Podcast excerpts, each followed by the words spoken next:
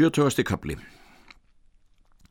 Arinbjörn var þennan vetur heimað búum sínum en eftir um vorið lísti hann yfir því að hann ætlar að fara í viking. Arinbjörn hefði skepa kost góðan. Bjó hann um vorið þrjú langskip og öll stór.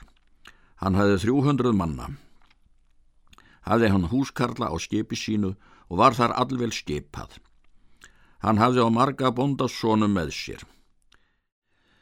Egil reðst til farar með honum, styrði hann skipi og fór með honum margt af förniti því er hann hafði haft með sér af Íslandi. En kaupskip það er Egil hafði haft af Íslandi let hann flytja austur í vík. Fekk hann þar manna til að fara með varnað sinn. En þeir Arnbjörn og Egil heldur langskipum söður með landi.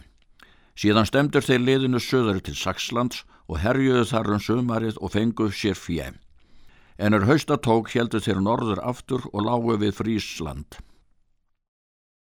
Einhverja nótt þári veður var kyrt, lögðu þeir upp í móðu eina, þar er illt var til hafna og út fyrir mikið.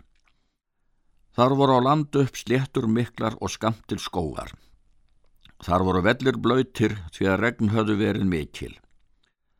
Þar réðu þeir til uppgöngu og letu eftir þriðjungliðs að gæta skipa. Þeir gengu upp með ánni, milli og skógarins. Þá var það brátt fyrir þeim þorpeitt og byggdu þar margir bændur.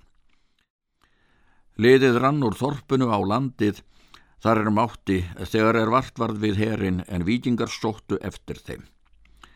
Var þá síðan annað þorp og heið þriðja. Liðið flýði allt það er því kom við. Þar var jafnlendi og sléttur miklar.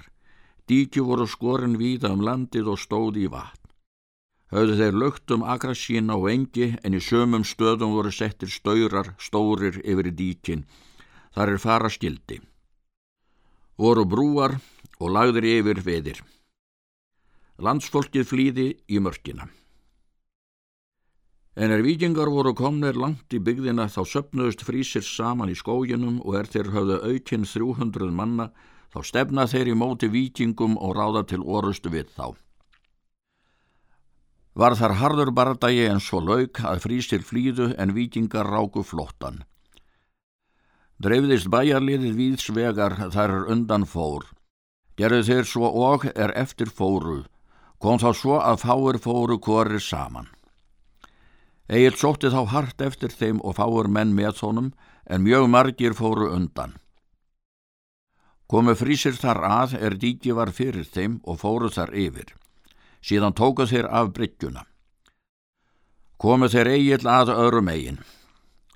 Réð eigil þegar til og hljópi yfir díkið en það var ekki annar manna hlaup en það réð og engi til. Og er frísir sáu það þá sækja þeir að honum en hann varðist. Þá sóttu að honum elluðu menn en svo lauk þeirra viðskiptum að hann feldi þá alla. Eftir það skaut Egil yfir brúni og fór það aftur yfir díkir. Sá hann þá að leð þeirra allt hafi snúið til skipana. Hann var þá statur nær skóginum. Síðan fór Egil fram með skóginum og svo til skipana að hann átti kost skóarins ef hann þyrti. Víkingar hafði haft mikið herrfang ofan og strandtök og er þeir komið til skipana hjöggu sömur búfétt, sömur fluttu út á skipið fjana þeirra Sömur stóðu fyrir ofan í Skjaldborg því að frísir voru ofan komnir og hafðu mikið lið og skutu á þá. Hafðu frísir þá aðra fylking og er eigil kom ofan og hann sá hvað títt var þá rann hann að sem snarast þar sem múinin stóð. Hann hefði kesjuna fyrir sér og tók hann að tveimur höndum en kastaði skildunum á bak sér.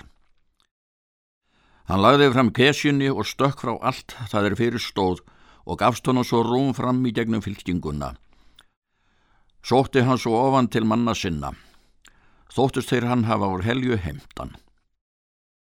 Ganga þeir síðan á skip sín og heldu brott frá landi.